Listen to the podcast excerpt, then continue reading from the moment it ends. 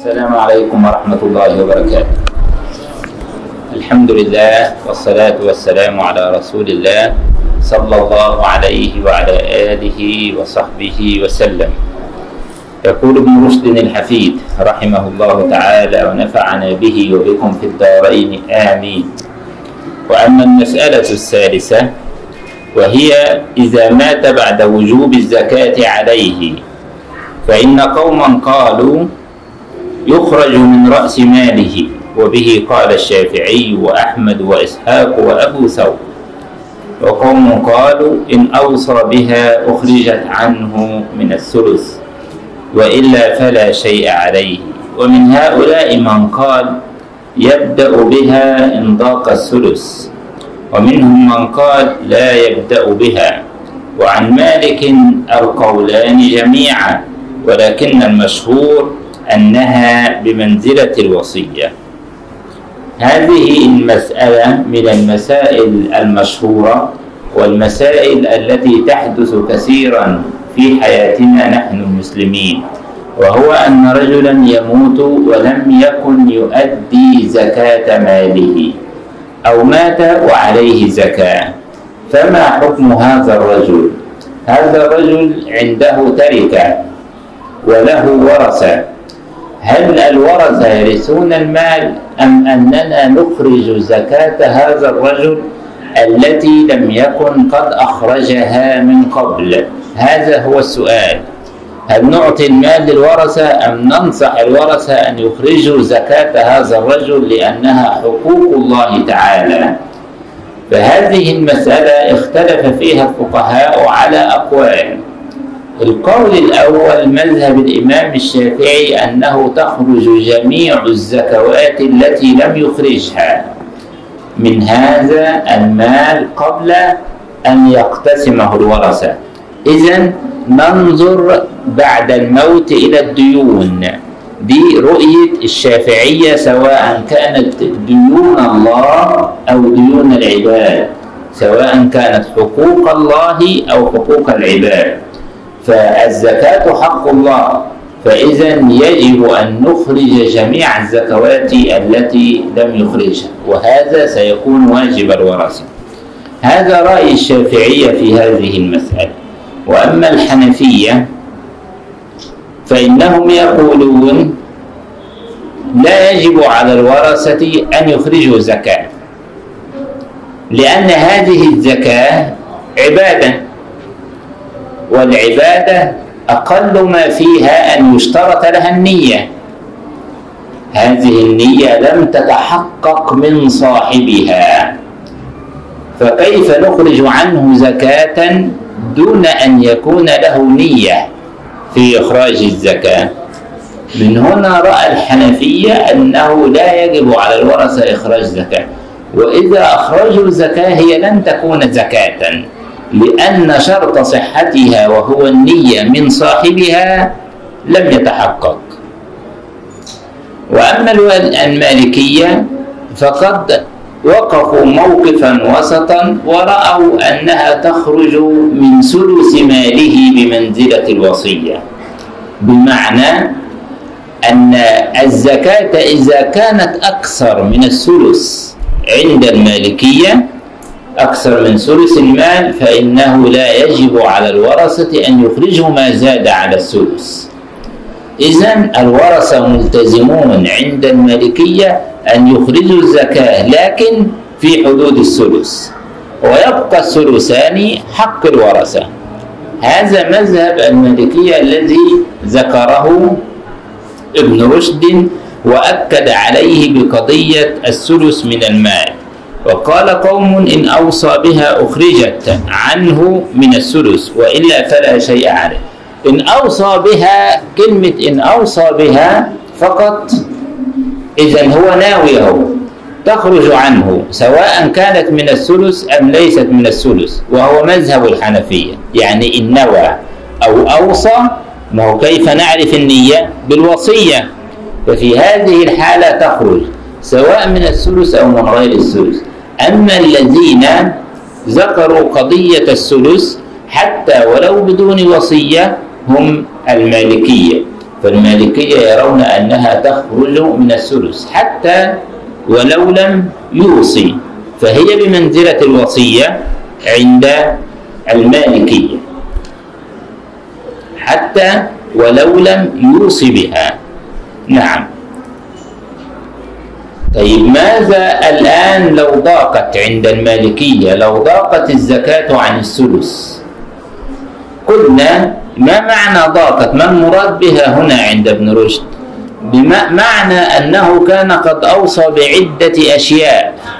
طبعا كل الوصية ستخرج من الثلث لكن عندما نظرنا إلى ما أوصى به لأنه قد أوصى بنفقة تعليم بعض الفقراء وأوصى مثلا بوضع بعض الصدقات في مستشفى السرطان وأوصى بكذا.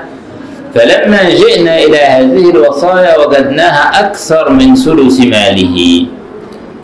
إذا سنخرج الزكاة من ثلث المال وسنخرج هذه الصدقات الأخرى من ثلث المال فسيضيق ثلث المال. فبأي شيء نبدأ؟ هل نقدم الزكاة على هذه الأشياء أم نخرج كل هذه الأشياء ومعها الزكاة بالنسبة والتناسب؟ دي المسألة اللي فيها الاختلاف. فبعض المالكية يقولون يبدأ بالزكاة.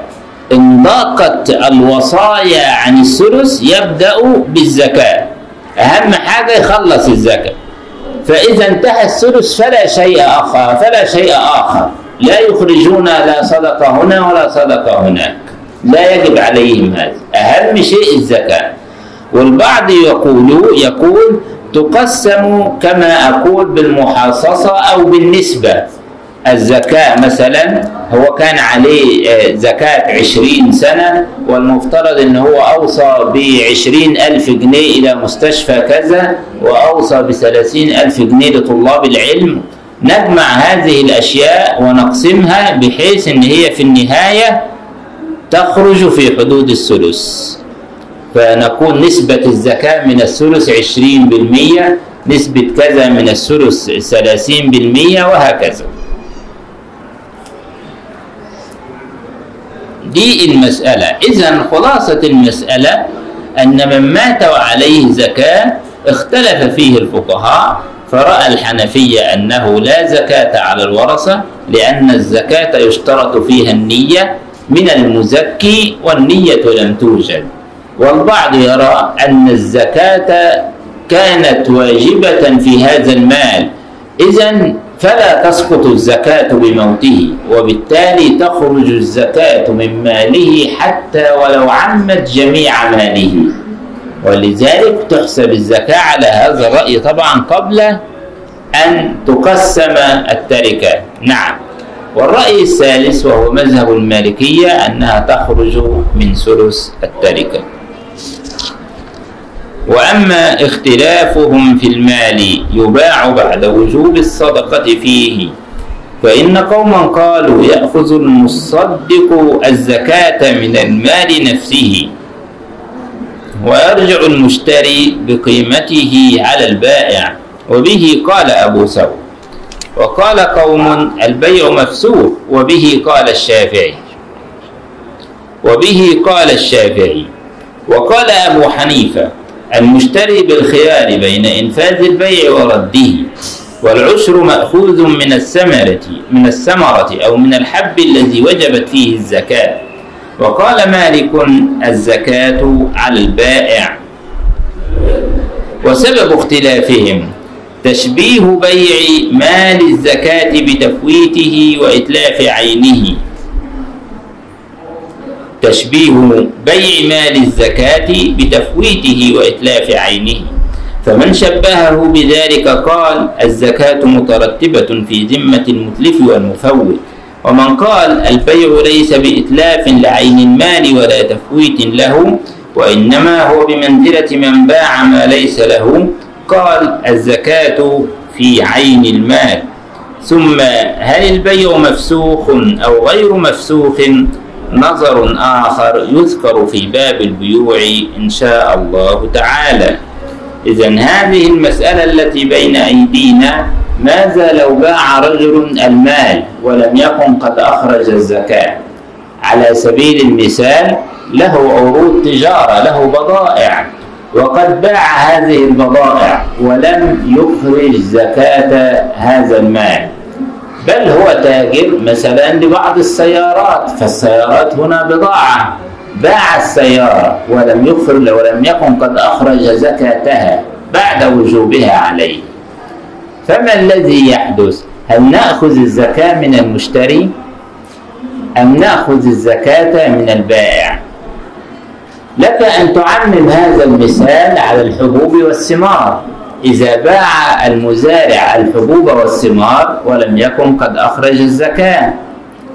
وهكذا إذا باع صاحب الأنعام السائمة أنعامه ولم يكن قد أخرج الزكاة.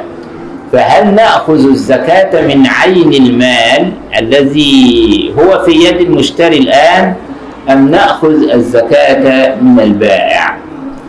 جمهور الفقهاء يرى أننا أن الزكاة واجبة في عين المال وبالتالي تؤخذ الزكاة من عين المال. هذا رأي الجمهور من الشافعية والمالكية وكذلك الحنفية.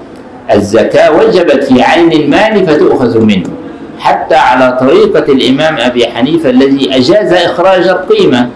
لكن الأصل أنها من عين المال. وبالتالي إذا كانت عين المال أصبحت في يد المشتري فإن فإننا نأخذ الزكاة من المشتري. طيب إذا كنا نأخذ الزكاة من المشتري فما حكم المشتري في هذه الحالة؟ قال بعضهم يرجع المشتري على البائع بقيمة الزكاة. المشتري دفع كذا من القيمة يأخذها من البائع نفسه. وقال البعض كالشافعية إن البيع أصلا من بدايته باطل ومفسوخ لأن البيع الصحيح من شرطه ألا تكون فيه زكاة واجبة. من ثم هذا البيع أصلا غير موجود. وبالتالي هم عندما يأخذون الزكاة من المشتري فإنما يأخذون في الحقيقة زكاة العين الواجبة على البائع لأن المشتري هو ليس مشتريا حقيقة لأن البيع باطل. والإمام أبو حنيفة يقول في حق المشتري إن شاء أن يأخذ المبيع بالثمن الأول أخذه وإن شاء أن يرده مرة أخرى فله هذا لأن ماله سينتقص. إذا إحنا وصلنا إلى أن جمهور الفقهاء يرى أن الزكاة في عين المال لأنها وجبت في عين المال. طيب هل سنظلم المشتري بهذا؟ قالوا لا. للمشتري أن يرد السلعة إلى البائع مرة أخرى. أو للمشتري أن يرجع بما دفعه من الزكاة على البائع مرة أخرى. طبعا هذا يتأتى هذه المسألة صورتها الأساسية الطبيعية. تتأتى في أي مكان؟ تتأتى إذا كانت الدولة تأخذ من الناس الزكاة. لأنه في هذه الحالة إذا تبنت الدولة رأي جمهور الفقهاء فستأخذ الزكاة من المشتري. وفي هذه الحالة يكون قانونا للمشتري أن يرجع على البائع بقيمة الزكاة. أما إذا لم تتبنى الدولة أخذ الزكاة هنا لن تتأتى صورة هذه المسألة.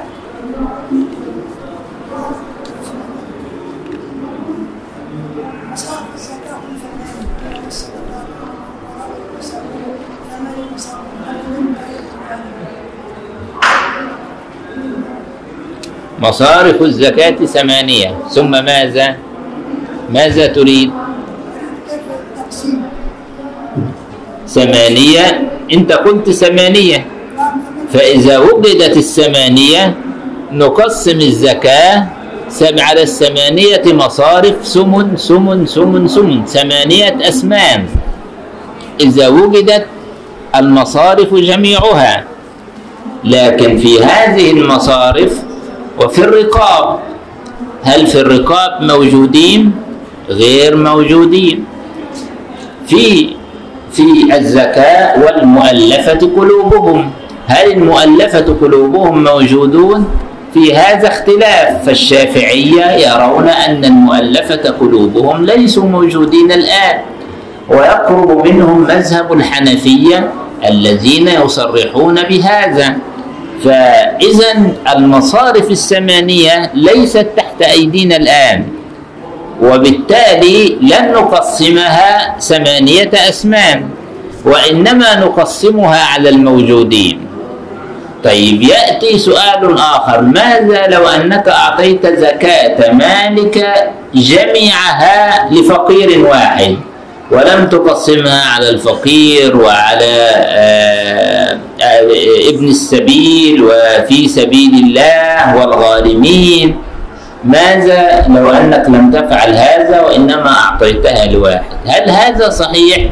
نعم هذا صحيح وأجازه بعض الفقهاء كالحنفية وعليه مجامع الفقه الإسلامي أن لك أن تعطي زكاة مالك لصنف واحد من هذه الأصناف خاصة إذا كان سيتحقق به الغنى لأن الزكاة هدفها أن تخرج الفقير من حد الفقر إلى حد الغنى حيث يستطيع هذا الفقير أن يكون هذا المال قواما له في حياته يستطيع أن يعمل به مشروعا يستطيع أن يبدأ أن يأتي به آلة للحرفة يستطيع أن يبدأ به عملا فيخرج من حد الفقر إلى حد الغنى.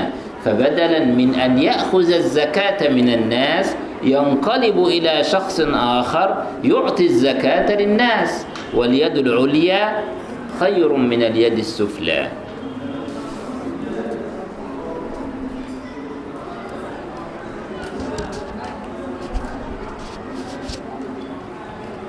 ومن هذا النوع اختلافهم في زكاة المال الموهوب وفي بعض هذه المسائل التي ذكرنا تفصيل في المذهب. لم نرى أن نتعرض له إذ كان غير موافق لغرضنا مع أنه يعسر فيها إعطاء أسباب تلك الفروق لأن أكثرها استحسانية.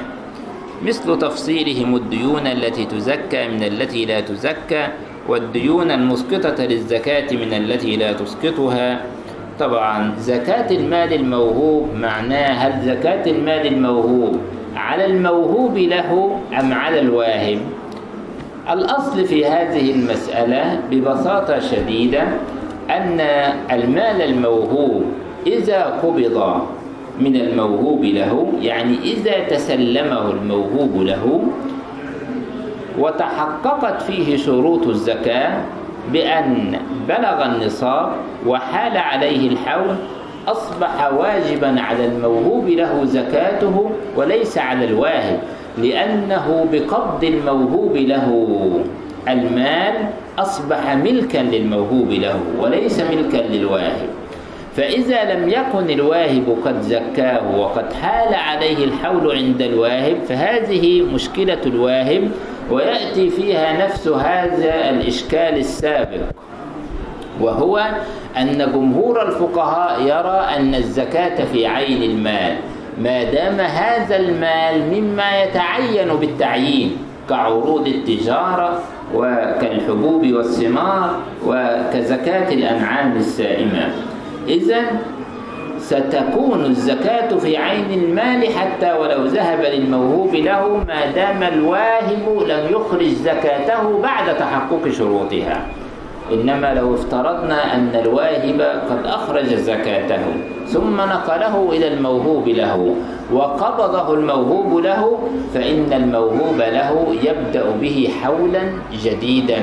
فإذا حال عليه الحول وكان بالغا للنصاب من أول الحول إلى آخره مع نقوده السائلة مع نقوده الأخرى فإنه يجب عليه الزكاة في هذه الحالة. ولماذا أؤكد على كلمة قبض الموهوب له للمال؟ لأن هذا المال أيا كان المال مال الهبة لا يدخل في ملك الموهوب له إلا بالقبض بخلاف البيع.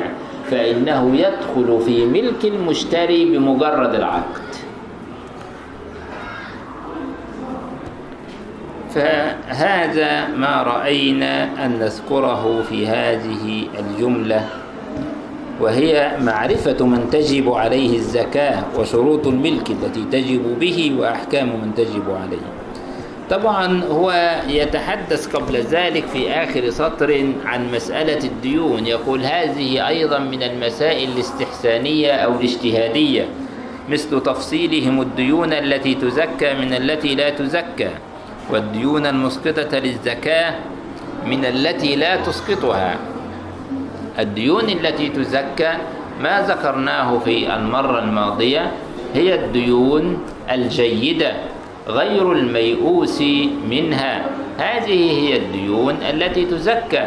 أما الديون الرديئة وهي الديون الميؤوس من رجوعها إلى صاحبها أو الديون التي يتعثر على المدين أن يردها لأنه معسر أو الديون التي لا ترد بسبب المماطلة فهذه هي الديون التي يرى جمهور الفقهاء أنه لا زكاة فيها. على الاختلاف بين الفقهاء في تفصيلات يعني داخل المذاهب الفقهية. يعني الإمام أبو حنيفة لا يعتبر دين المماطلة ودين الإعصار غير المشحون لا يعتبره دينا ميؤوسا منه وبالتالي يزكى. إنما عند المالكية يقولون لا يزكى إلا إذا قبضه فإنه يزكيه لسنة واحدة. والشافعية يقولون لا يزكى أبدا. فإذا أخذه فالحنفي الحنابلة يقولون لا يزكى أبدا. فإذا أخذه فإنه يستقبل به حولا جديدا. حكم من منع الزكاة. وقد بقي من أحكامه حكم مشهور وهو ماذا حكم من منع الزكاة ولم يشهد وجوبها؟ فذهب أبو بكر رضي الله تعالى عنه إلى أن حكمه حكم مرتد وبذلك حكم في مانع الزكاة من العرب. عندكم في مانع ولا في مانعي؟ في مانع مانع فقط. بالياء ولا بدون ياء مم. من الذي عنده بالياء؟ خلاص يبقى نرجح الياء في مانعي لأن ده الصحيح. لكن إحنا بنشوف هل الطبعات متفقة أم مختلفة فما دامت مختلفة يبقى الصحيح مانعي الزكاة.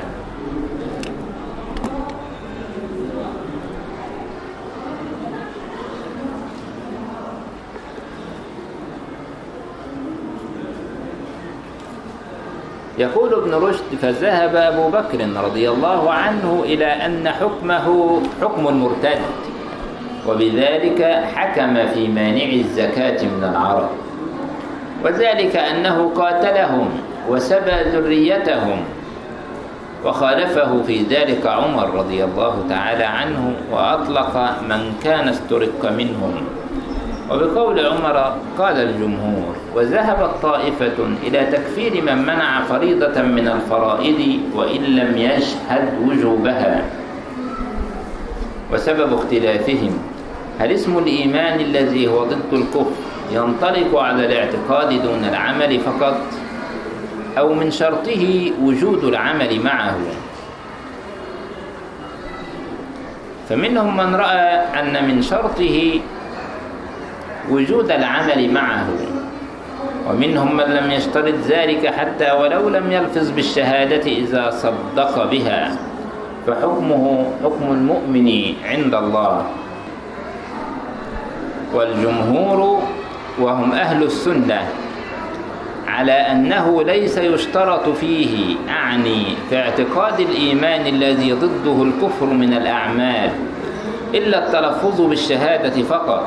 لقوله صلى الله عليه وسلم أمرت أن أقاتل الناس حتى يقولوا لا إله إلا الله و عندي ويؤمنون بي. عندكم إيه؟ ويؤمنون بي؟ لا الصحيح ويؤمنوا بدون نون. تمام؟ ويؤمنوا بي. أمرت أن أقاتل الناس حتى يقولوا لا إله إلا الله ويؤمنوا بي. فاشترط مع العلم القول. وهو عمل من الأعمال. فمن شبه سائر الأفعال الواجبة بالقول قال جميع الأعمال المفروضة المفروضة شرط في العلم الذي هو الإيمان. ومن شبه القول بسائر الأعمال التي اتفق الجمهور على أنها ليست شرطا في العلم الذي هو الإيمان ومن شبه القول بسائر الأعمال التي اتفق الجمهور على أنها ليست شرطا في العلم الذي هو الإيمان قال التصديق فقط هو شرط الإيمان وبه يكون حكمه عند الله تعالى حكم المؤمن والقولان شاذان واستثناء التلفظ بالشهادتين من سائر الأعمال هو الذي عليه الجمهور. حكم من منع الزكاة الإمام ابن رشد رحمه الله قدم في مقدمته هذه الآن بذكر آراء الفقهاء كعادته فقال أن أبا بكر الصديق رضي الله عنه يرى أن حكمه حكم المرتد. واستدل على ذلك بأن سيدنا أبا بكر قاتل مانع الزكاة. والسؤال الآن هل مجرد المقاتلة معناه اعتقاد أبي بكر أنهم كفار؟ لا طبعا. لا يلزم من المقاتلة كفر هؤلاء أبدا لأن المقاتلة قد تكون لأجل البغي. وهذا هو ما رآه أبو بكر رضي الله تعالى عنه. وقضية قتال مانع الزكاة ينبغي أن نعلم أنهم لم يكونوا على درجة واحدة ولا على مرتبة واحدة. فكان هناك أناس ينكرون الزكاة تماما فهؤلاء هم الذين يكفرون. لأنهم هم الذين يجحدون ركنا من أركان الإسلام. وكان هناك أناس يعلمون ركنية الزكاة لكنهم لا يريدون أداءها هذا قسم ثاني وهناك قسم ثالث وهو أناس التبست عليهم الأمور فكانوا يرون أن الزكاة واجبة لرسول الله صلى الله عليه وسلم. أما من بعد رسول الله صلى الله عليه وسلم فلا يجب عليهم أن يعطوه الزكاة. ويستدلون على ذلك بقوله تعالى خذ من أموالهم صدقة تطهرهم وتزكيهم بها وصل عليهم إن صلاتك سكن لهم. قالوا لا نعطي الزكاة إلا لمن كانت صلاته كصلاتنا. إذا هذا قوم هؤلاء كانوا جهالا في هذه المسألة. التبست عليهم الأمور. لهم شبهة. هل كل من له شبهة يخرج من الإسلام؟ لا. إذا قتال أبي بكر رضي الله تعالى عنه لمانع الزكاة لم يكن على درجة واحدة ولم يكن مانع الزكاة أنفسهم على درجة واحدة ولم يكن سيدنا أبو بكر يرى أن مانع الزكاة وهم معتقدون ركنيتها ووجوبها لم يكن رضي الله عنه يعتقد أن هؤلاء كفارا حتى ولو قاتلهم فإنما هو من باب قتال أهل البغي أمرت أن أقاتل الناس حتى يقولوا لا إله إلا الله ويقيموا الصلاة ويؤتوا الزكاة.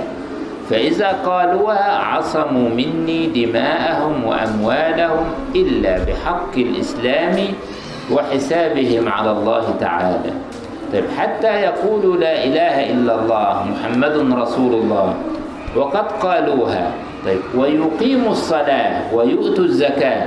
بمعنى إذا تركوها بالكلية فهؤلاء يكونون أهل بغش فيجب قتالهم مع أنهم مسلمون مع أنهم لا يخرجون عن حظيرة هذا الدين. فإذا قضية أن يقال أن أبا بكر حارب مانعي الزكاة لأنه كان يرى كفرهم جميعا هذا أمر فيه ملاحظات شديدة.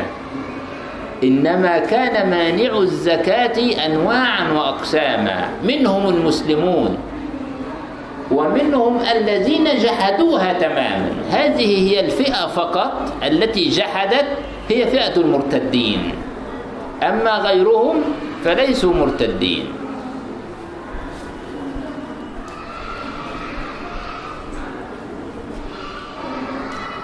وذلك أنه قاتلهم وسبى ذريتهم. على اعتبار أن هذه الطائفة أن طائفة منهم كانت قد جحدت الزكاة وكفرت. وخالفه عمر. هل خالفه سيدنا عمر أم اتفق معه؟ كان مخالفا له في البداية ثم شرح الله صدر عمر. لما شرح الله له صدر أبي بكر؟ عندما ذكره أبو بكر بحديث رسول الله صلى الله عليه وسلم أمرت أن أقاتل الناس وقال لأقاتلن من فرق بين الصلاة والزكاة. وذهبت طائفة إلى تكفير من منع فريضة من الفرائض وإن لم يشهد وجوبها. هناك طائفة نعم من المسلمين ليسوا من أهل السنة ذهبوا إلى تكفير كل مرتكب لكبيرة من كبائر الإسلام. فإذا ترك أحد الزكاة إذا منع أحد الزكاة فهو مرتكب لكبيرة من الكبائر. فهو في نظر هذه الطائفة خرج من الإسلام. وهي على رأس هذه الطائفة الخوارج الذين يكفرون كل مرتكب للكبيرة نعم. حتى وإن لم يجحد وجوبها.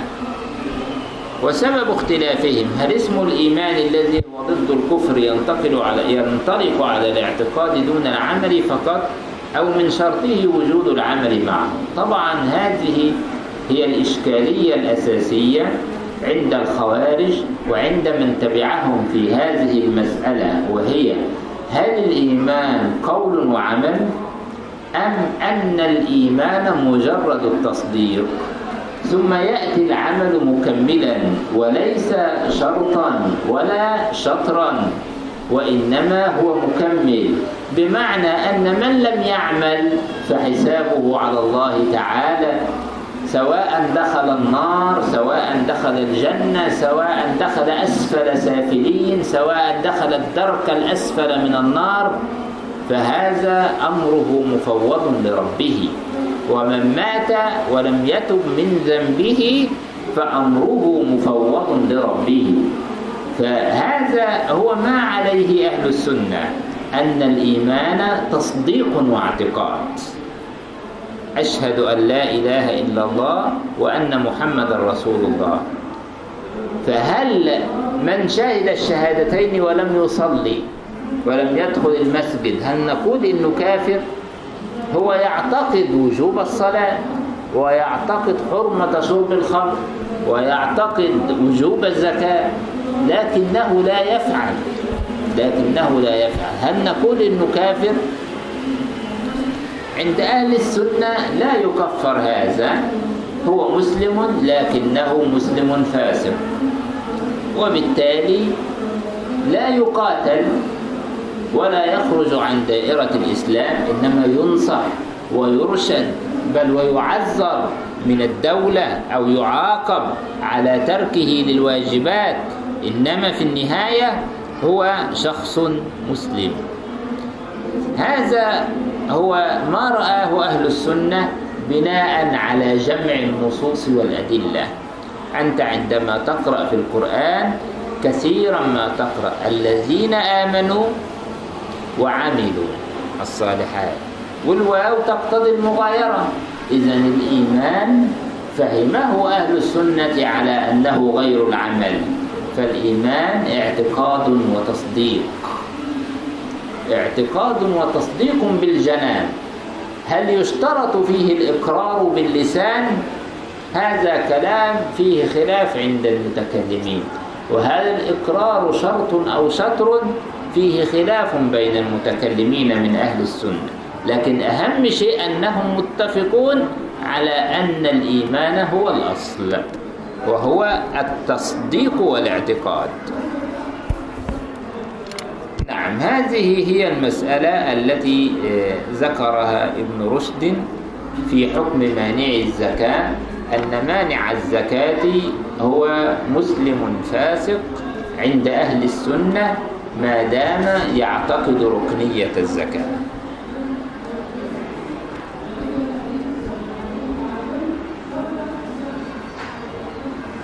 طبعا هذا الحديث الذي ذكره ابن رشد أمرت أن أقاتل الناس حتى يقولوا لا إله إلا الله ويؤمنوا بي وبما جئت به. هو إحدى الروايات لهذا الحديث عند الإمام مسلم في صحيح مسلم. الجملة الثانية في معرفة ما تجب فيه الزكاة من الأموال. وأما ما تجب فيه الزكاة من الأموال فإنهم اتفقوا منها على أشياء واختلفوا في أشياء. وأما ما اتفقوا عليه فصنفان من المعدن الذهب والفضة. الذهب والفضة اللتين ليستا بحلي وثلاثة أصناف من الحيوان وثلاثة أصناف من الحيوان الإبل والبقر والغنم. وصنفان من الحبوب الحنطة والشعير. وصنفان من من الثمر التمر والزبيب. وفي الزيت خلاف شديد. والذين اختلفوا فيه من الذهب هو الحلي فقط وذلك أنه ذهب فقهاء الحجاز مالك والليث والشافعي إلى أنه لا زكاة فيه إذا أريد للزينة واللباس. وقال أبو حنيفة وأصحابه فيه الزكاة. والسبب في اختلافهم تردد شبهه بين العروض وبين التبر والفضة اللتين المقصود منهما المعاملة في جميع الأشياء فمن شبهه بالعروض التي المقصود منها المنافع أولا قال ليس فيه زكاة. ومن شبهه بالتبر والفضة التي المقصود فيها المعاملة بها أولا قال فيه الزكاة. ولاختلافهم أيضا سبب آخر وهو اختلاف الآثار في ذلك. وذلك أنه روى جابر عن النبي صلى الله عليه وسلم أنه قال ليس في الحلي زكاة وروى عمرو بن شعيب عن أبيه عن جده أن امرأة أتت إلى رسول الله صلى الله عليه وسلم ومعها ابنة لها وفي يد ابنتها مسك من ذهب. فقال لها أتؤدين زكاة هذا؟ قالت لا قال أيسرك أن يسورك الله بهما يوم القيامة سوارين من نار فخلع فخلع تقول فخلعتهما. نعم. وألقيتهما. وفي رواية فخلعتهما وألقتهما إلى النبي صلى الله عليه وسلم وقالت هما لله ولرسوله. والأثران ضعيفان وبخاصة حديث جابر. ولكون السبب الأملك لاختلافهم تردد الحلي المتخذ للباس بين التبر والفضة اللذين المقصود منهما أولا المعاملة لا الانتفاع وبين العروض التي المقصود منها بالوضع الأول خلاف المقصود من التبر والفضة أعني الانتفاع بها لا المعاملة. وأعني بالمعاملة كونها ثمنا. هذه المسألة هي حكم زكاة الحلي.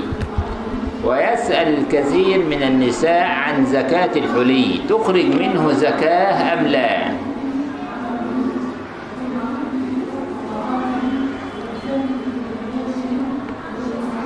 هذه المسألة اختلف فيها الفقهاء على قولين.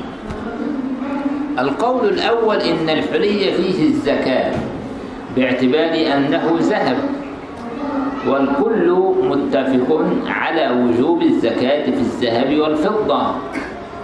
إذا فما دام الحلي ذهبا فإنه يجب فيه الزكاة.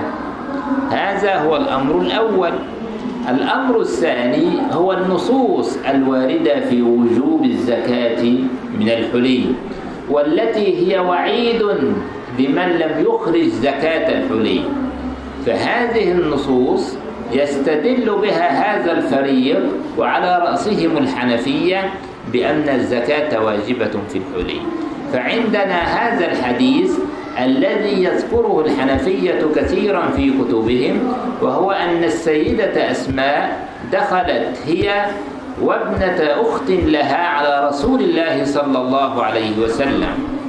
فقالت فرأى النبي صلى الله عليه وسلم في يدها سوارين غليظين من ذهب.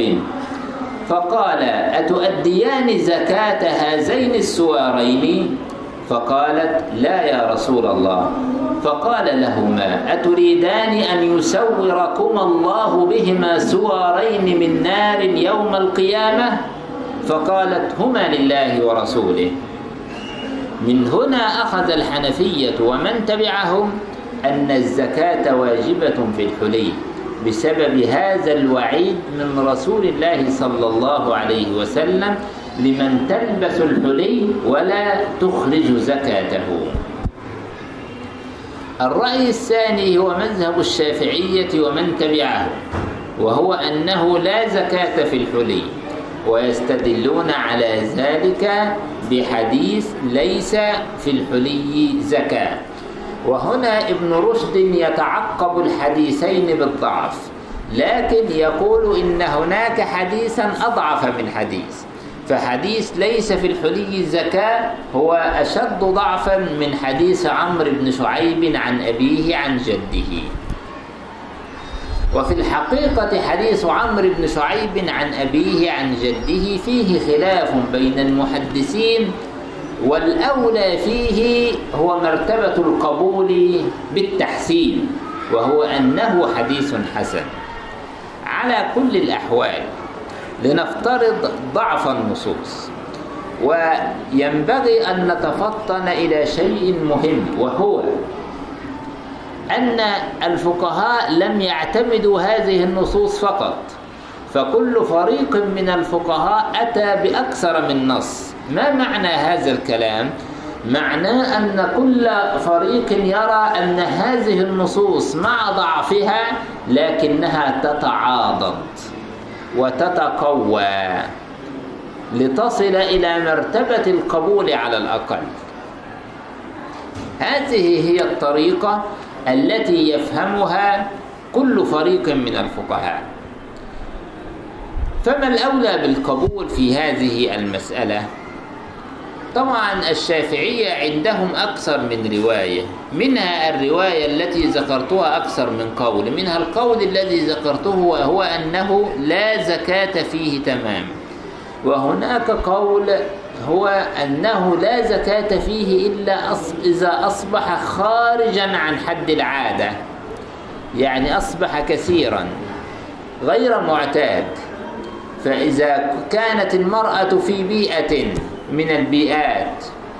تلبس وليكن خمسين جرام ذهب أو تلبس مئة جرام ذهب. والمئة جرام ذهب عادي في دول الخليج ما فيش مشكلة. فإذا لا يكون فيه زكاة باعتبار أن المرأة تلبسه وهو في حد معتاد في بيئة قومها. أما إذا كان خارجا عن حد معتاد كما إذا كان في مصر وتلبس مثلا 150 جرام مثلا ده كثير عن حد معتاد في أكثر أعرافنا نحن المصريين وبالتالي تخرج عليه زكاة من أين كانت هذه الدلالة؟ كانت هذه الدلالة من هذا الحديث وهو أن السيدة أسماء دخلت هي وهذه البنت وعليهما أسورتان غليظتان. إذا فهذا القول من الشافعية لما حلل كلمة غليظتان قال إنهما كانتا خارجتان عن حد المعتاد.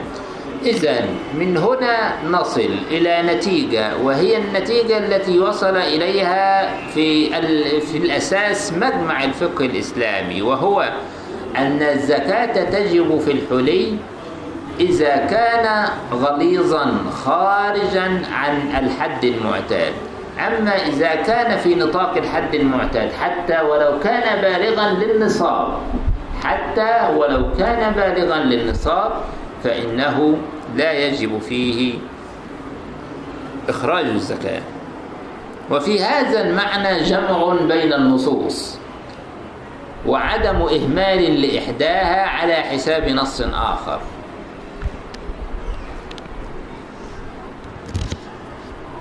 طبعا هو ابن رشد يدخل المعقول في المسألة وهو أمر ذكره أئمة الفقهاء في مذاهبهم حيث إن أحد يعني المرجحات لمن يرى أنه لا زكاة في الحلي فإنه يرى أن الحلي بمنزلة المتاع بمنزلة الملابس الشخصية للإنسان فهل أنت تزكي على متاعك وعلى أغراضك الحاجية؟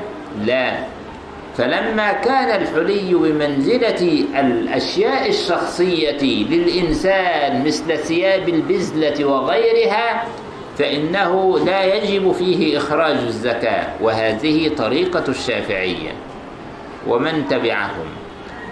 وأما من رأى أن الحلي يظل مدى الحياة ثمنا من الأسمان فالأصل فيه أنه ثمن والأصل فيه أنه يتعامل به الناس. رجح جانب وجوب الزكاة فيه. التبر هو الذهب غير المسبوك الذهب غير المصنوع. الذي لم يصنع نسميه تبر لأنه سبيكة كاملة. نقب عنها يعني الذهب بعد التنقيب عنه وبعد إيجاده هو تبر بعد أن يصنع هو حلي. إذا صنع نقودا فهو نقد مثل الدينار والدرهم. واختلف قول مالك في الحلي المتخذ للكراء فمرة شبهه بالحلي المتخذ من اللباس ومرة شبهه بالتبر المتخذ للمعاملة. ما معنى الحلي المتخذ للكراء يا شباب؟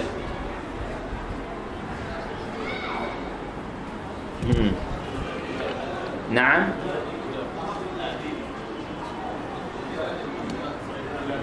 للأجرة ما حكم إجارة الحلي؟ لو إني في محل ذهب شغلته إنه يأجر الذهب. يأجر الحلي. ما حكم إجارة الحلي؟ جائزة أو غير جائزة؟ جائزة. إجارة الحلي جائزة لأن الفقهاء يقولون وهذا موجود في ابن قدامة وغيره أن كل ما ينتفع به يجوز إجارته. كل ما ينتفع به انتفاعا مباحا مباحا يجوز إجارته. فهل المرأة إذا لبست الذهب هل هذا انتفاع مباح أم انتفاع محرم؟ مباح إذا يجوز لها أن تؤجر هذا الذهب. وبالتالي يجوز لمحل أو غيره أن يكون يعني عمله هو إجارة الذهب. وفي هذه الحالة هل نقول لابد من قبض الأجرة مباشرة من البداية في معاملة الذهب؟ لا. يعني الجمهور على أنه لا يشترط قبض الأجرة مباشرة في هذه الحالة. لأنها المع... لأن المعاملة ليست بيعا وإنما هو انتفاع بهذه المنفعة ثم إعادتها مرة أخرى. إذا فالأجرة يصير عليها ما يصير على غيرها من التراضي أو التعاقد أن تكون مؤجلة أو معجلة. فالإمام مالك في الحلي المتخذ للكراء إذا اشترت امرأة ذهب وليكن كثير حتى تؤجره. هل تخرج على هذا الذهب زكاة كل سنة أم لا؟ دي المسألة التي يتحدث عنها الإمام مالك. وهكذا المحل أو المكان الذي يأتي بذهب فقط للتأجير. هل يخرج زكاة كل سنة على هذا الذهب أم لا؟ فاختلف قول مالك. فمرة شبهه بالحلي المتخذ من اللباس. ما دام شبهه بالحلي المتخذ من اللباس يبقى يقول إيه لا زكاة لأنه أصبح مثل المتاع. وده رأي الإمام مالك مع الإمام الشافعي في حكم زكاة الحلي إنه مثل اللباس مثل المتاع فلا يزكى. نعم. ومن شبه ومرة شبهه بالتبر. هل التبر من اللباس؟ لا التبر يتخذ للمعاملة للتعامل به الأصل فيه الثمنية وبالتالي يكون فيه الزكاة. والأولى بالقبول. ما دمنا ذكرنا أن الفقهاء يرون إجازة إجارة الذهب. إذا يترتب على ذلك أنه لا زكاة سنوية فيه. لا زكاة في هذا الذهب المتخذ للكراء. إنما الزكاة على الأجرة إذا ضمها الإنسان إلى ماله فوجدها بالغة للنصاب وحال عليها الحول. في هذه الحالة يخرج الزكاة. إنما الذهب المتخذ للقراء الأولى ألا زكاة عليه. وإلا فإنه سيزكي آلة الحرفة في هذه الحال. وآلة الحرفة تأكلها الزكاة. هل تزكي بقدومك أو تزكي بماكينة بماكينتك التي تصنع بها أو بآلتك التي تصنع بها؟ هل هل تزكي عليها؟ إذا زكيت عليها أكلتها الزكاة. دي آلة الحرفة أصبحت من حاجيات الشخص. فلا نخرج عليها الزكاة. نعم.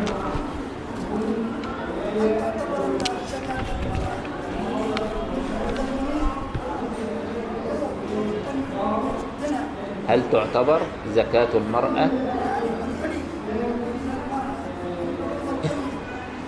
هل يعتبر حلي المرأة من عروض القنية القنية أو الكنية؟ الاثنين صح. هذا ما ذكره الشافعية كما قلنا والمالكية من أنها بمنزلة اللباس. أما عند الحنفية ومن تبعهم فهي الذهب يظل ثمنا مدى الحياة لا يخرج بحال إلى العروض ولا إلى المتاع ولا إلى الأغراض الشخصية وإن انتفع به. فالذهب ذهب. وأما ما اختلفوا فيه من الحيوان فمنهم اختلفوا في نوعه ومنهم اختلفوا في صنفه. وأما ما اختلفوا في نوعه فالخيل وذلك أن الجمهور على ألا زكاة في الخيل. فذهب أبو حنيفة إلى عندكم فذهب ولا وذهب؟ هو طبعا الصواب وذهب يعني لا يليق بالمقام أبدا أن تكون فذهب لأن الواو تقتضي المغايرة إنما الفاء تقتضي الترتيب مع التعقيب وأبو حنيفة ليس مع الجمهور في هذه المسائل فالصواب وذهب.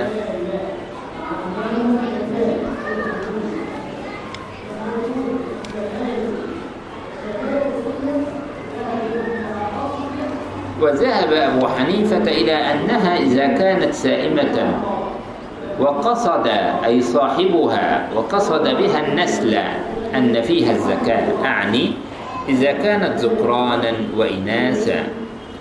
والسبب في اختلافهم معارضة القياس لللفظ وما يظن من معارضة اللفظ لللفظ فيها. أما اللفظ الذي يقتضي ألا زكاة فيها فقوله عليه الصلاة والسلام ليس على المسلم في عبده ولا فرسه صدقة. وأما القياس الذي عارض هذا العموم فهو أن الخيل السائمة حيوان مقصود به النماء والنسل. فأشبه الإبل والبقر. وأما اللفظ الذي يظن أنه معارض لذلك العموم فهو قوله عليه الصلاة والسلام وقد ذكر الخيل ولم ينس حق الله في رقابها ولا ظهورها ذهب أبو حنيفة إلى أن حق الله هو الزكاة وذلك السائمة منها قال القاضي. وأن يكون هذا اللفظ مجملا أحرى منه أن يكون عاما فيحتج به في الزكاة. وخالف أبا حنيفة في هذه المسألة صاحباه أبو يوسف ومحمد. وصح عن عمر رضي الله تعالى عنه أنه كان يأخذ منها الصدقة فقيل إنه كان باختيار منهم. هذه مسألة حكم زكاة الخيل هل الخيل فيه الزكاة؟ فالأمور على أنه لا زكاة في الخيل لماذا؟ لهذا الحديث لأن الأشياء الواجب فيها زكاة إنما هي أشياء منصوص على أصولها ولم يرد نص صحيح في الخيل بخصوصها يوجب الزكاة بل جاء في صحيح مسلم ليس على العبد ليس على الرجل في فرسه ولا عبده صدقة. هذا هو النص الذي أورده الجمهور يستدلون به على عدم وجوب الزكاة في الخيل أما الإمام أبو حنيفة فإنه يرى وجوب الزكاة في الخيل وأن الخيل كل فرس يزكى عليه دينار يخرج عليه دينار. أو تحسب زكاته كزكاة عروض التجارة. فإذا بلغت قيمة هذا الخيل خمسة وثمانين جراما من الذهب زكي ربع العشر يعني أخرج صاحبه ربع العشر اثنين ونصف بالمئة. دي طريقة الإمام أبي حنيفة وأورد على ذلك حديثا وهو أن يأخذ المصدق المصدق من كل فرس دينارا. إذا فالإمام أبو حنيفة أورد حديثا بخصوص الخيل لكن الجمهور يرون ضعف هذا الحديث. والقضية عند الإمام أبي حنيفة هي يعني أعم من قضية الوقوف على الحديث وهي أن الزكاة تجب في المال النامي. هذا هو أصل فكر الإمام أبي حنيفة وفلسفة الإمام أبي حنيفة في الزكاة. إذا الإمام أبو حنيفة يرى معقولية الزكاة وبالتالي ما دامت الزكاة تجب في المال النامي والخيل من المال النامي إذا يجب فيه الزكاة. ومن هنا عندما يأتي حديث حتى ولو كان هذا الحديث ضعيفا لكنه أصبح يؤكد ما وصل إليه الإمام أبو حنيفة من معقولية الزكاة. وبالتالي فاستناد أبي حنيفة ليس قاصرا على الحديث وإنما هو مجموع الهيئة المكونة من النص والمعقول والأثر الذي رواه عن بعض الصحابة رضوان الله تعالى عليه هذه نظرة الإمام أبي حنيفة. أما الحديث الصحيح في صحيح مسلم ليس على المسلم في عبده ولا فرسه صدقة. قال هو فرس الركوب والعبد عبد الخدمة. فماذا أنت لو عندك قديما يعني لو عندك عبيد تبيعهم ألا تخرج عليهم زكاة عروض التجارة؟ تخرج. إذا المراد بالعبد هو عبد الخدمة. والمراد بالفرس فرس الركوب. فرس الركوب أصبح كسيارتك التي عندك. هل تخرج زكاة على السيارة التي تركبها؟ لا. هل تخرج زكاة على العقار الذي تسكنه؟ لا لأنها من حاجاتك الأساسية. فلا تخرج عليها الزكاة. أما إذا كان عندك خيل للدر والنسل يعني يتكاثر إذا هو مال نامي. فما الفرق بينه وبين الإبل السائمة؟ وما الفرق بينه وبين البقر والغنم السائمة؟ إذا كنت ستخرج زكاة على هذه الأنعام باتفاق فتخرج زكاة أيضا على الخيل عملا بالعمومات. يا أيها الذين آمنوا أنفقوا من طيبات ما كسبتم. أنفقوا من طيبات ما كسبتم. من هذا المال النامي الذي اكتسبتموه. وهكذا. دي نظرة الإمام أبي حنيفة لقضية الزكاة في الخيل أنها ليست قاصرة على مسألة حديث ضعيف أو مثل هذا. ابن رشد يقول في سبب الخلاف معارضة القياس لللفظ. إيه اللفظ؟ لفظ الحديث ليس على المسلم في فرسه ولا عبده صدقة الذي عمل به الجمهور. أين القياس؟ يقصد بالقياس معقولية الزكاة عند الإمام أبي حنيفة. دي وجهة ابن رشد. لكن هل الإمام أبو حنيفة يقتصر على فهمه للمعقولية؟ لا إحنا نقول الإمام مثله مثل أي إمام يستدل بالهيئة المجموعة من الأدلة وليس دليلا واحدا وأما اللفظ الذي يظن أنه معارض لذلك العموم هو طبعا اللفظ الذي يظن أنه معارض لذلك العموم. يقصد بالعموم ليس على المسلم في عبده أي كل عبده ولا فرسه أي كل فرسه. صدقة يقول في حديث معارض لهذا العموم يعني يخصص هذا العموم وهو ولم ينس حق الله في رقابها ولا ظهورها. هذا الحديث إلا أوله الذي ابتدره النبي صلى الله عليه وسلم بقوله الخيل ثلاثة لرجل أجر ولرجل ستر وعلى رجل وزر. ثم جاء على التي لرجل ستر. فقال فرجل رجل ربطها تعففا. وتغنيا. ولم ينس حق الله في ركوبها ولم ينس حق الله في رقابها ولا ظهورها. فهذه له ستر. ستر من, من ماذا؟ ستر من النار. لم ينس حق الله في رقابها. هو ربطها ولم يربطها في سبيل الله. لم تكن عنده هذه النية. إذا ربطها ربطا عاديا. من المعاملة الدنيوية التي ليست فيها نية لكن مع ذلك لم ينس حق الله في رقابها ولا ظهورها هذا حديث يصح أن يكون مستندا لمن؟ ها؟ لأبي حنيفة الذي يرى أن حق الله هو الزكاة فهذا الشخص لم ينسى حق الله في هذه الخير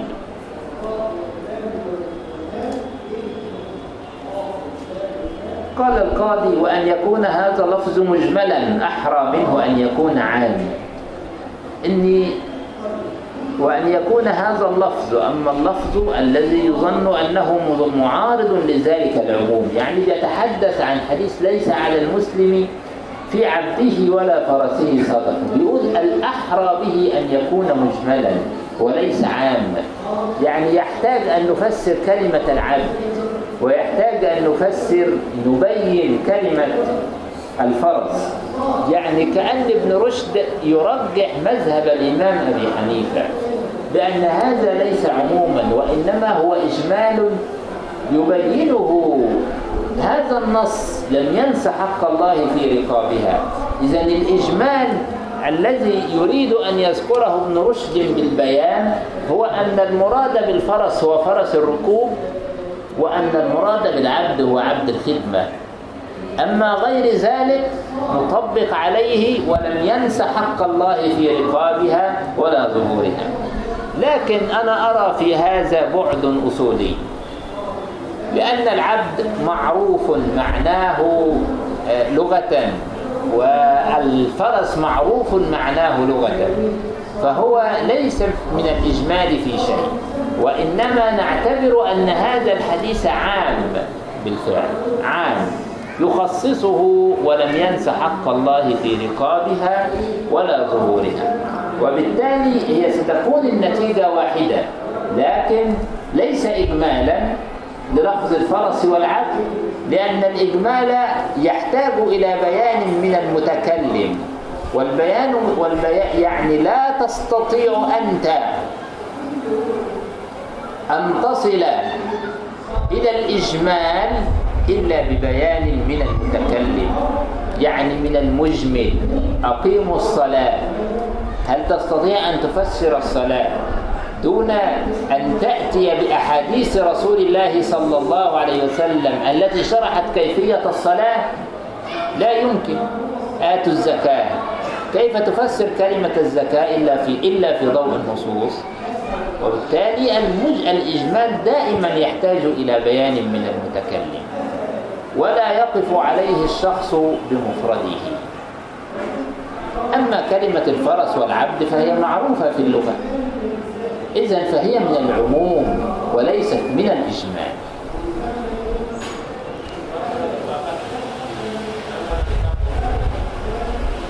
لم ينس حق الله في رقابها ولا ظهورها معناه لم ينس أن يؤدي زكاتها. ده معنى قضية الرقاب والظهور. وصح عن عمر رضي الله تعالى عنه أنه كان يأخذ منها الصدقة فقيل إنه كان باختيار منه. ما معنى كان باختيار منه؟ يعني لم تكن زكاة. كان سيدنا عمر يأخذ منهم الزكاة. فناقش ذلك الجمهور وقالوا هو ما كان يأخذ زكاة إنما كان يأخذ صدقة اختيارية يدفعونها عن اختيار ولم تكن زكاة. على كل الأحوال الإمام أبو حنيفة بالمناسبة لما ذكر وجوب الزكاة في الخيل باعتبار أنها نامية. قال وصف هناك وصف للخيل الذي تجب فيه الزكاة وهو أن تكون ذكورا وإناثا أو إناثا.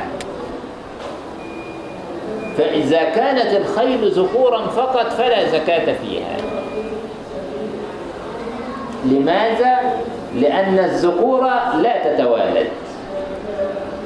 وبالتالي لا ينطبق عليها وصف النماء فإما ذكور وإناث عند الشخص أو إناث لأنها تقصد للدرب والنسل وأما ما اختلفوا في صنفه فهي السائمة من الإبل والبقر والغنم من غير السائمة منها. فإن قوما أوجبوا الزكاة في هذه الأصناف الثلاثة سائمة كانت أو غير سائمة وبه قال الليث وبه قال الليث ومالك وقال سائر فقهاء الأمصار لا زكاة في غير السائمة من هذه الأنواع. وسبب اختلافهم معارضة المطلق للمقيد ومعارضة القياس لعموم اللفظ. أما المطلق فقوله عليه الصلاة والسلام في أربعين شاة شاة. في أربعين شاة شاة. أما المقيد فقوله عليه الصلاة والسلام في سائمة الغنم الزكاة. فمن غلب المطلق على المقيد قال الزكاة في السائمة وغير السائمة. ومن غلب المقيد قال الزكاة في السائمة منها فقط. ويشبه أن يقال إن من سبب الخلاف في ذلك أيضا معارضة دليل معارضة دليل الخطاب للعموم وذلك أن دليل الخطاب في قوله عليه الصلاة والسلام في سائمة الغنم الزكاة يقتضي أن لا زكاة في غير السائمة. وعموم قوله عليه الصلاة والسلام في كل أربعين شاة شاة يقتضي أن السائمة في هذا بمنزلة غير السائمة. لكن العموم أقوى من دليل الخطاب. كما أن تغليب المقيد على المطلق أشهر من تغليب المطلق على المقيد. وذهب أبو محمد بن حزم إلى أنه إلى أن المطلق يقضي على المقيد وأن في الغنم سائمة وغير سائمة الزكاة وكذلك في الإبل. بقوله عليه الصلاة والسلام ليس فيما دون خمس زود من الإبل صدقة. وأن البقرة لما لم يثبت فيها أثر وجب أن يتمسك فيها بالإجماع وهو أن الزكاة في السائمة منها فقط فتكون التفرقة بين البقر وغيرها قولا ثالثا وأما القياس المعارض لعموم قوله عليه الصلاة والسلام فيها في أربعين شاة شاة فهو أن السائمة هي التي المقصود منها النماء والربح وهو الموجود فيها أكثر من ذلك. والزكاة إنما هي فضلات الأموال والفضلات إنما توجد أكثر من ذلك في الأموال السائمة ولذلك اشترط فيه الحول. فمن خصص بهذا القياس ذلك العموم لم يوجب الزكاة في غير السائمة. ومن لم يخصص ذلك ورأى أن العموم أقوى أوجب ذلك في الصنفين جميعا. فهذا هو ما اختلفوا فيه من الحيوان الذي تجب فيه الزكاة. هل الزكاة في السائمة فقط أم في السائمة وغير السائمة؟ فالزكاة السائمة هي التي ترعى كل الحول أو أكثره. يعني تعيش على الحشائش التي هي في الأرض ولا ينفق عليها صاحبها نفقة لا يأتي لها بعلف وبهذه الأشياء. وهذا طبعا موجود في أكثر بلدانكم. وهو موجود عندنا لكن في أماكن البدو أو في بعض أماكن البدو. أما عندكم فمشتهر كل الاشتهار. بل وفي أكثر قارات العالم موجود الرعي إلى يومنا هذا كثير فهل الزكاة تجب في السائمة فقط أم تجب في السائمة والمعلوفة؟ هذه هي أو هذا هو أساس القضية. هل الزكاة تجب في السائمة التي لا ينفق عليها صاحبها أم تجب في المعلوفة أيضا التي ينفق عليها صاحبها طعاما وشرابا؟ فجمهور الفقهاء على أن الزكاة في السائمة فقط والمالكية على أن الزكاة في السائمة والمعلوفة والحديث الصحيح هناك أكثر من حديث. ففي حديث في كل أربعين شاة شاة. وفي حديث اللي هو في سائمة الغنم الزكاة. إذا في حديث في إطلاق في كل أربعين شاة شاة سواء كانت سائمة أو معلوفة وفي حديث في سائمة الغنم الزكاة نص على السوي هل المالكية لا يعملون بالإطلاق والتقييد؟ يعملون به طبعا كالجمهور. أكثر من ضيق في الإطلاق والتقييد هم الحنفية وليس المالكية. إنما المالكية على طريقة الجمهور من العمل بالإطلاق والتقييد. إذا لماذا لا يعملون بالإطلاق والتقييد؟ في هذه في هذه المسألة. لماذا يقولون إن إن الزكاة تجب في المعلوفة وفي السائمة؟ لأن المالكية لم يفهموا من هذا القيد أنه قيد أصلا. عندما يأتي حديث يقول في كل أربعين شاة شاة هذا فهم المالكية. ويأتي حديث آخر في سائمة الغنم الزكاة. فالمالكية إنما يفسرون كلمة السائمة هنا أنها جاءت من رسول الله صلى الله عليه وسلم من قبيل الاعتناء بهذا النوع من الزكاة. فإذا كانت الزكاة واجبة في الأنعام جميعها فأحرى بها. أن تكون واجبة في هذه الأنعام السائمة التي تأكل من خشاش الأرض ولا يبذل لها صاحبها جهدا ولا يبذل لها كلفة من مال. وبالتالي فهذا فقط للاعتناء بهذا النوع من المال أن تخرج منه الزكاة. إنما ليس معناه الاقتصار على هذا النوع في إخراج الزكاة. هذه طريقة فهم المالكية لهذه النصوص أن كلمة السوم ليست تقييدا وإنما هي ذكر لبعض أفراد العام وذكر بعض أفراد العام لا يخص به العام لا يخص به العموم. ومن ثم فالزكاة تجب بإطلاق في كل الأنعام. أما الجمهور من الشافعية والحنابلة فقد فهموا من هذا التقييد فحملوا المطلق على المقيد. في كل أربعين شاة شاة أي في كل أربعين شاة سائمة شاة. وأما الحنفية فهم أضيق من يحمل المطلق على المقيد. وبالتالي هل حملوا المطلق على المقيد في هذه المسألة؟ الحنفية رووا حديثا في كتبهم ليس في العوامل ولا في العلوفة صدقة. فقالوا هذا الحديث نص في أنه لا تجب الزكاة في المعلوفة. إذا فما الذي يبقى من الأنعام عندما تخرج المعلوفة؟ تبقى السائمة فقط هي التي تجب فيها الزكاة. حتى الجمهور أنفسهم تدخلوا في النص بطريقة دليل الخطاب وهو مفهوم المخالفة. فقالوا في كل أرف في الغنم السائمة زكاة.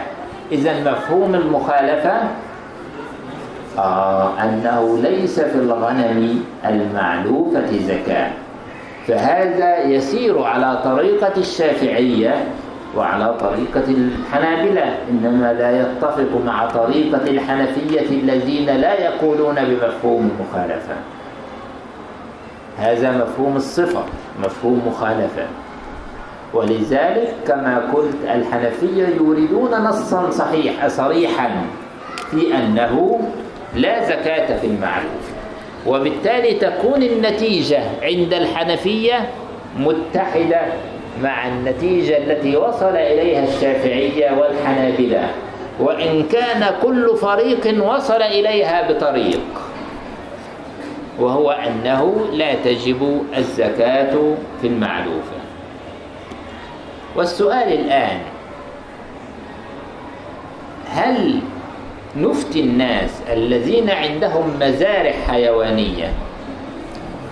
ألا يخرجوا الزكاة في هذه الأنعام أم ماذا ترون؟ تفضل. تمام فتح الله عليك. إذا زكاة المزارع وإن كانت لن تخضع لزكاة الأنعام عند الجمهور لكنها ستخضع لزكاة عروض التجارة. لأن اللي بيعمل مزارع ده بيعمل مزارع عشان يأكلها؟ ولا بيعمل مزارع عشان يبيع؟ آه يبقى ستخضع لزكاة عروض التجارة.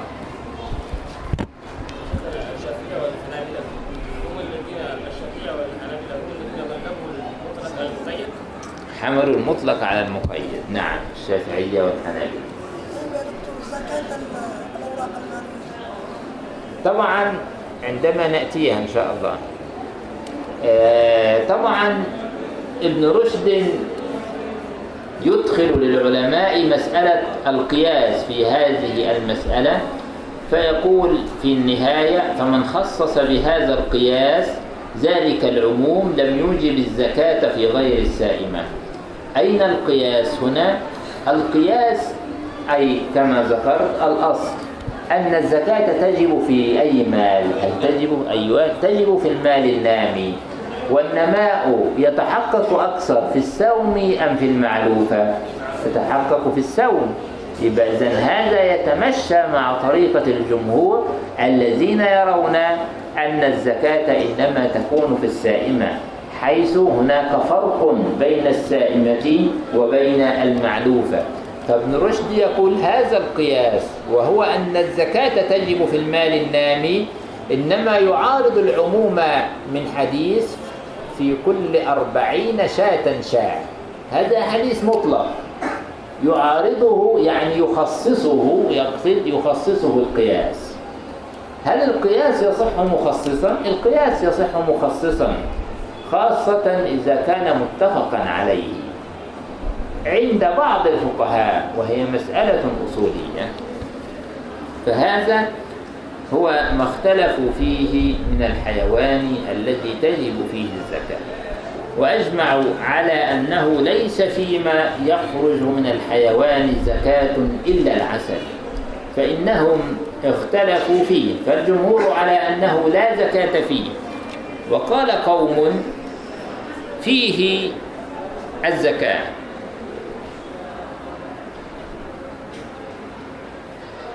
وسبب اختلافهم اختلافهم في تصحيح الأثر الوارد في ذلك وهو قوله عليه الصلاة والسلام في كل عشرة أزق زق خرجه الترمذي وغيره. وأما ما اختلفوا فيه من النبات طيب بالنسبة لزكاة العسل نجد أن جمهور الفقهاء على أنه لا زكاة في العسل. واتفقنا أن جمهور الفقهاء يرى أن الزكاة منصوص على خصوص أنواعها. خلافا للإمام أبي حنيفة الذي يرى أن الزكاة معقولة المعنى وهي أنها تجب في المال النامي وبناء على هذا أكثر من توسع في الأوعية الزكوية هو الإمام أبو حنيفة. فقال بوجوب الزكاة في العسل أيضا. عملا بالعمومات. أنفقوا من طيبات ما كسبتم وآتوا الزكاة. وعملا بخصوص بعض الآثار الواردة عن الصحابة في زكاة العسل. هذه مسألة زكاة العسل.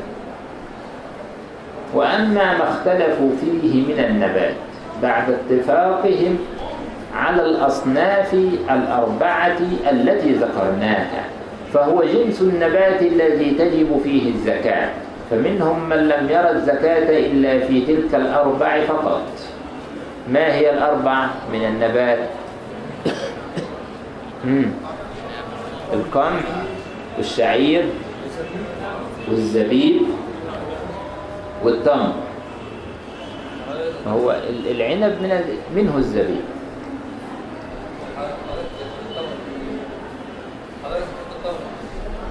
لا مرة واحدة. ها؟ نعم. امم امم يبقى ذكرنا كم مرة؟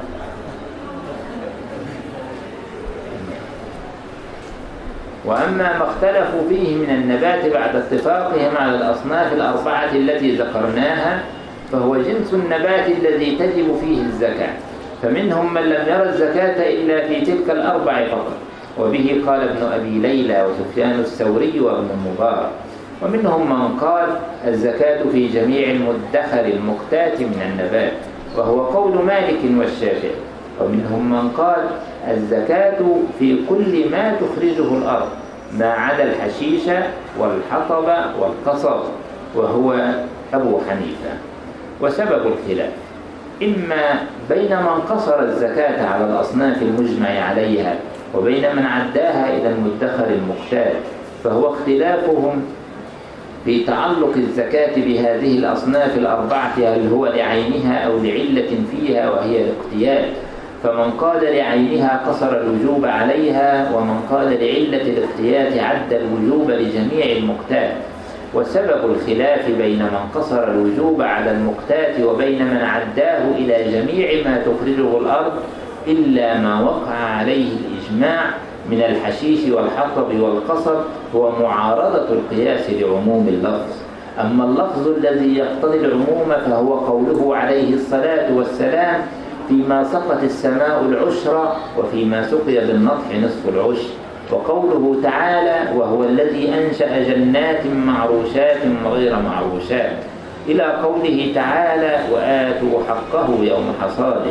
وأما القياس فهو أن الزكاة إنما المقصود منها سد الخلة وذلك لا يكون غالبا إلا فيما هو قوت.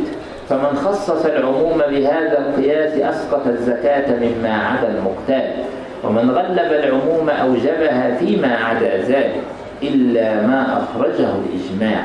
والذين اتفقوا على المقتات اختلفوا في أشياء من قبل اختلافهم فيها. هل هي مقتاتة أم ليست بمقتاتة؟ وهل يقاس على ما اتفق عليه أو ليس يقاس؟ مثل اختلاف مالك والشافعي في الزيتون. فإن مالكا ذهب إلى وجوب الزكاة فيه ومنع ذلك الشافعي في قوله الأخير بمصر وسبب اختلافهم هل هو قوت أم ليس بقوت؟ ومن هذا الباب اختلاف أصحاب مالك في إيجاب الزكاة في التين أو لا إيجابها. وذهب بعضهم إلى أن الزكاة تجب في الثمار دون الخضر وهو قول ابن حبيب لقوله سبحانه وهو الذي أنشأ جنات معروشات وغير معروشات. ومن فرق في الآية بين الثمار والزيتون فلا وجه لقوله إلا وجه ضعيف.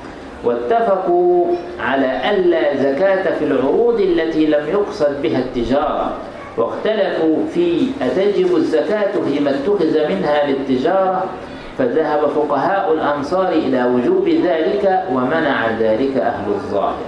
طيب قبل أن ندخل في عروض التجارة نأتي إلى زكاة الحبوب والثمار.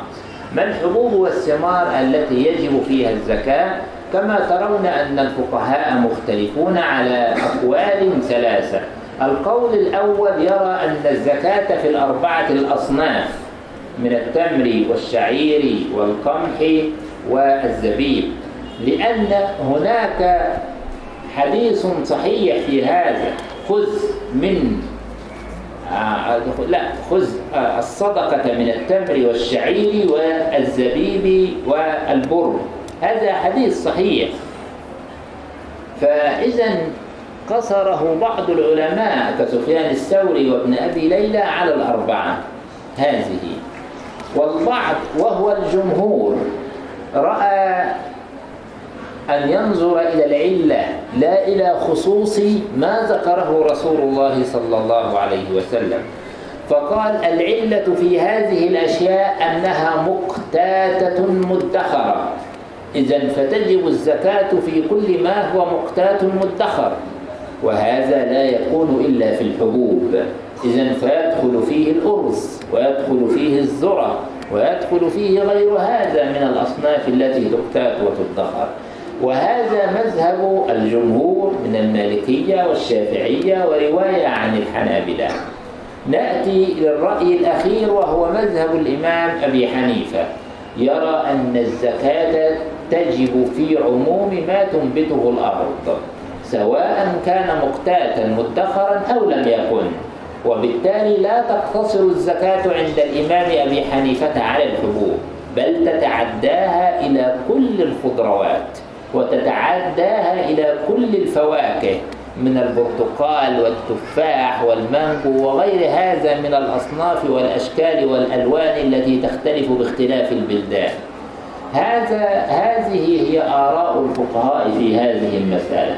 عرفنا أن الرأي الأول بنى رأيه على ظاهر النص وقصر الحديث على ظاهره. أما الرأي الثاني وهو رأي الجمهور فقد نظر إلى العلة وهنا اختلفوا في قضية العلة. المالكية والشافعية والحنابلة يرون الاقتيات والادخار. أما الحنفية يرون الزكاة في عموم ما تنبته الأرض.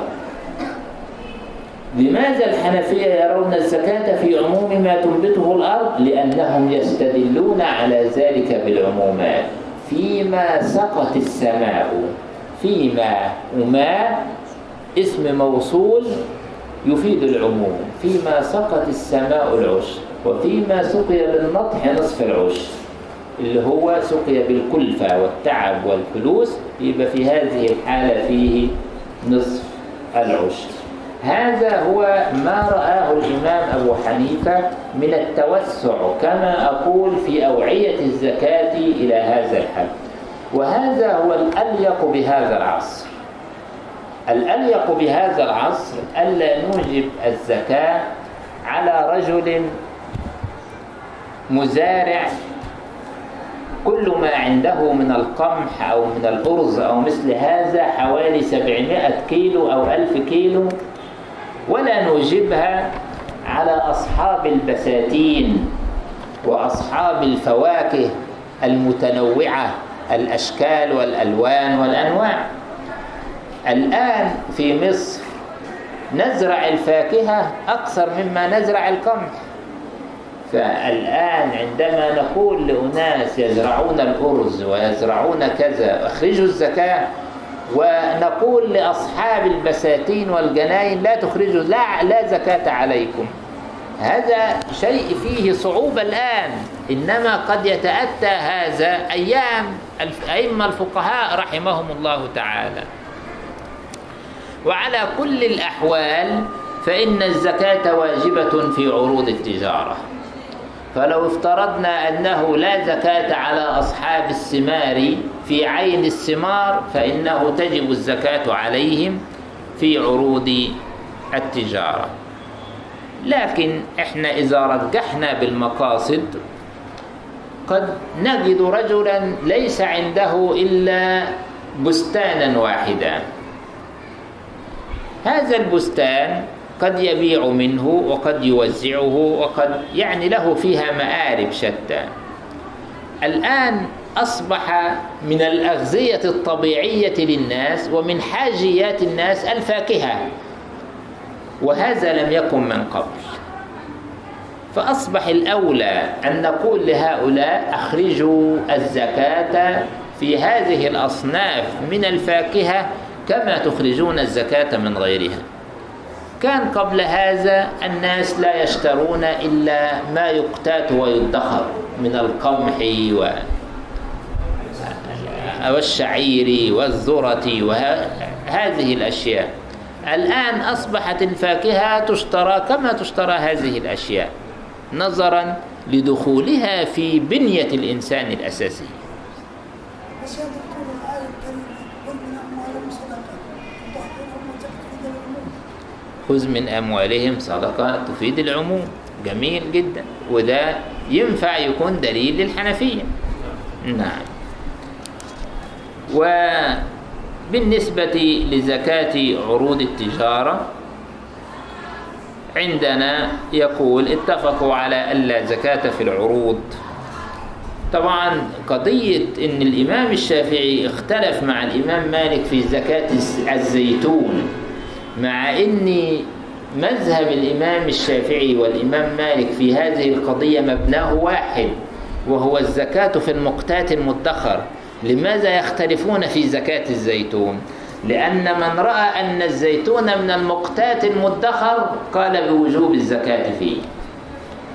ومن رأى أنه من الخضروات التي لا تقتات ولا تدخر قال بعدم وجوب الزكاة فيها. إذا فهو ليس اختلافا في أصل المسألة وإنما اختلاف وتفاوت في فرعها. فالإمام مالك ذهب إلى وجوب الزكاة في الزيتون والإمام الشافعي في الجديد لا زكاة في الزيتون باعتباره من الخضروات. واتفقوا على ألا زكاة في العروض التي لم يقصد بها التجارة. واختلفوا في أتجب الزكاة فيما اتخذ منها للتجارة فذهب فقهاء الأمصار إلى وجوب ذلك ومنع ذلك أهل الظاهر. فأهل الظاهر لا يجب عندهم زكاة في عروض التجارة خلافا للأئمة الأربعة وغيرهم. والسبب في اختلافهم اختلافهم في وجوب الزكاة بالقياس واختلافهم في تصحيح حديث سمرة بن جندب أنه قال كان رسول الله صلى الله عليه وسلم يأمرنا أن نخرج الزكاة مما نعده للبيع. وفيما روي عنه عليه الصلاة والسلام أنه قال أد زكاة البر. وأما القياس الذي اعتمده الجمهور فهو أن العروض المتخذة للتجارة مال مقصود به التنمية فأشبه الأجناس الثلاثة التي فيها الزكاة باتفاق أعني الحرث والماشية والذهب والفضة. وزعم الطحاوي أن زكاة العروض ثابتة عن عمر وابن عمر ولا مخالف لهما من الصحابة. وبعضهم يرى أن مثل هذا هو إجماع من الصحابة. أعني إذا نقل عن واحد قول ولم ينقل عن غيره خلاف وفيه ضعف. دي مسألة زكاة عروض التجارة التي يرفضها أهل الظاهر لأن أهل الظاهر ينظرون إلى حديث سمرة بن جندب الذي ذكره ابن رشد على أنه حديث ضعيف وهو أن رسول الله صلى الله عليه وسلم كان يأمرنا أن نخرج الزكاة مما نعده للبيع. هذا الحديث عندما نحاكمه إلى نفسه فهو حديث ضعيف كما يرى ابن حزم. لكن زكاة عروض التجارة كعادة الفقهاء التي ذكرتها لكم لا تقتصر أبدا على هذا الحديث. فالفقهاء رووا عشرات النصوص في زكاة عروض التجارة بل وعشرات الآثار. منها عندما كان يذهب سيدنا عمر رضي الله تعالى عنه إلى السوق فيذكر أحد الصحابة بأن يخرج الزكاة من هذا الأدم الذي يبيعه الصحابي. وغير ذلك من النصوص والآثار الكثير. والصواب ألا نحاكم كل نص إلى مجرده استقلالا. فهذا هو ليس هو المنهج الإسلامي الصحيح. طريقة ابن حزم أنه يحاكم كل نص على حدة. فإذا حاكمت كل نص على حدة وجدته ضعيفا. لكن عندما تأتي بعصا ضعيفة لا تضرب ثم تضم إليها أختها ثم تضم إليها ثالثة ماذا تفعل؟ هذه العصا. بل ماذا لو ضممت إليها العشرات؟ كما ضم الفقهاء عشرات النصوص والآثار إلى بعضها البعض. بل ووجدوا أنه لا اختلاف بين الصحابة في زكاة الزروع والثمار. فكل هذا يؤكد ويعضد اللي هي الزكاة عروض التجارة وجوب الزكاة في عروض التجارة. أضف إلى هذه الآثار والنصوص الكثيرة المتراكمة أضف إليها معقولية الزكاة. كيف لا يخرج التاجر زكاة عروض التجارة؟ وهو يتاجر ويبيع وينمو ماله وكذا وكذا خاصة في عصور التضخم التي نعيشها. عنده تجارة في المخزن بمئة ألف جنيه غلت الأسعار غدا بيبيعها بمئتين ألف جنيه. فكيف نقول لهذا لا تخرج زكاة عروض تجارة ونقول للناس اللي عندهم نقود ربما يضعونها تحت السرير أو يضعونها في أي مكان أخرجوا الزكاة. يعني من باب أولى معقولية الزكاة توجب الزكاة في عروض التجارة إضافة إلى هذه النصوص الكثيرة. وأنا أود أن أقول في هذا المجلس أن جمع النصوص بعضها إلى بعض لم يكن مقصورا على الفقهاء. بل كان أساسه وأصله المحدثون. فالترمذي والنسائي والبخاري وغيرهم من جميع أصحاب السنن والصحاح إنما ضموا النصوص بعضها إلى بعض واستشهدوا بمجموع النصوص. وهذا واضح جدا وصريح في جامع الإمام الترمذي في سنن الإمام الترمذي لأنه كان يصرح بهذا. كثيرا في كتابه. فمثل هذا الأمر هو ما عليه العمل والمنهج الإسلامي السليم. نعم. آه قول ابن رشد في النهاية إني زعم الطحاوي أن زكاة العروض ثابتة عن عمر وابن عمر. زعم هنا ليس معناها رفض لكلام الطحاوي إنما يقول إني ثابتة بالآثار عن عمر وابن عمر ولا مخالف لهما من الصحابة. الزعم الذي يتوقف عنده ابن رشد أن هذا يذكره الطحاوي بمنزلة الإجماع. الطحاوي وغيره من العلماء يذكرونه بمنزلة الإجماع. يعني أن سيدنا عمر قال هذا وابن عمر ولا مخالف لهما من الصحابة. وسيدنا عمر كان خليفة المسلمين ولا يقول هذا إلا على مرأى ومسمع من المسلمين. فمعنى أنه لا مخالف له من الصحابة أي أن الصحابة سكتوا ولا يمكن أن يسكت الصحابة على منكر. ولا يمكن أن يسكت الصحابة على خطأ. إذا فكان سكوتهم بمنزلة الإجماع السكوتي. فابن رشد يتوقف عن الإجماع السكوتي ولا يقول به وهذا يعني لا بأس به إذا نسب إليه يعني هذا مذهبه. ولا يعارض مذهب مذهبا ولا يكون مذهب حجة على مذهب. وإذا قلنا بأن الإجماع الصريح لم يثبت وأن الإجماع السكوتي ليس بحجة فيكفينا في هذا النصوص والآثار ويكفينا في هذا عدم وجود المخالفة عن الصحابة رضوان الله تعالى عليهم ويكفينا في هذا معقولية مشروعية الزكاة. هذا والله تعالى أعلم وصلى الله على سيدنا محمد وعلى آله وصحبه وسلم. والسلام عليكم ورحمة الله وبركاته.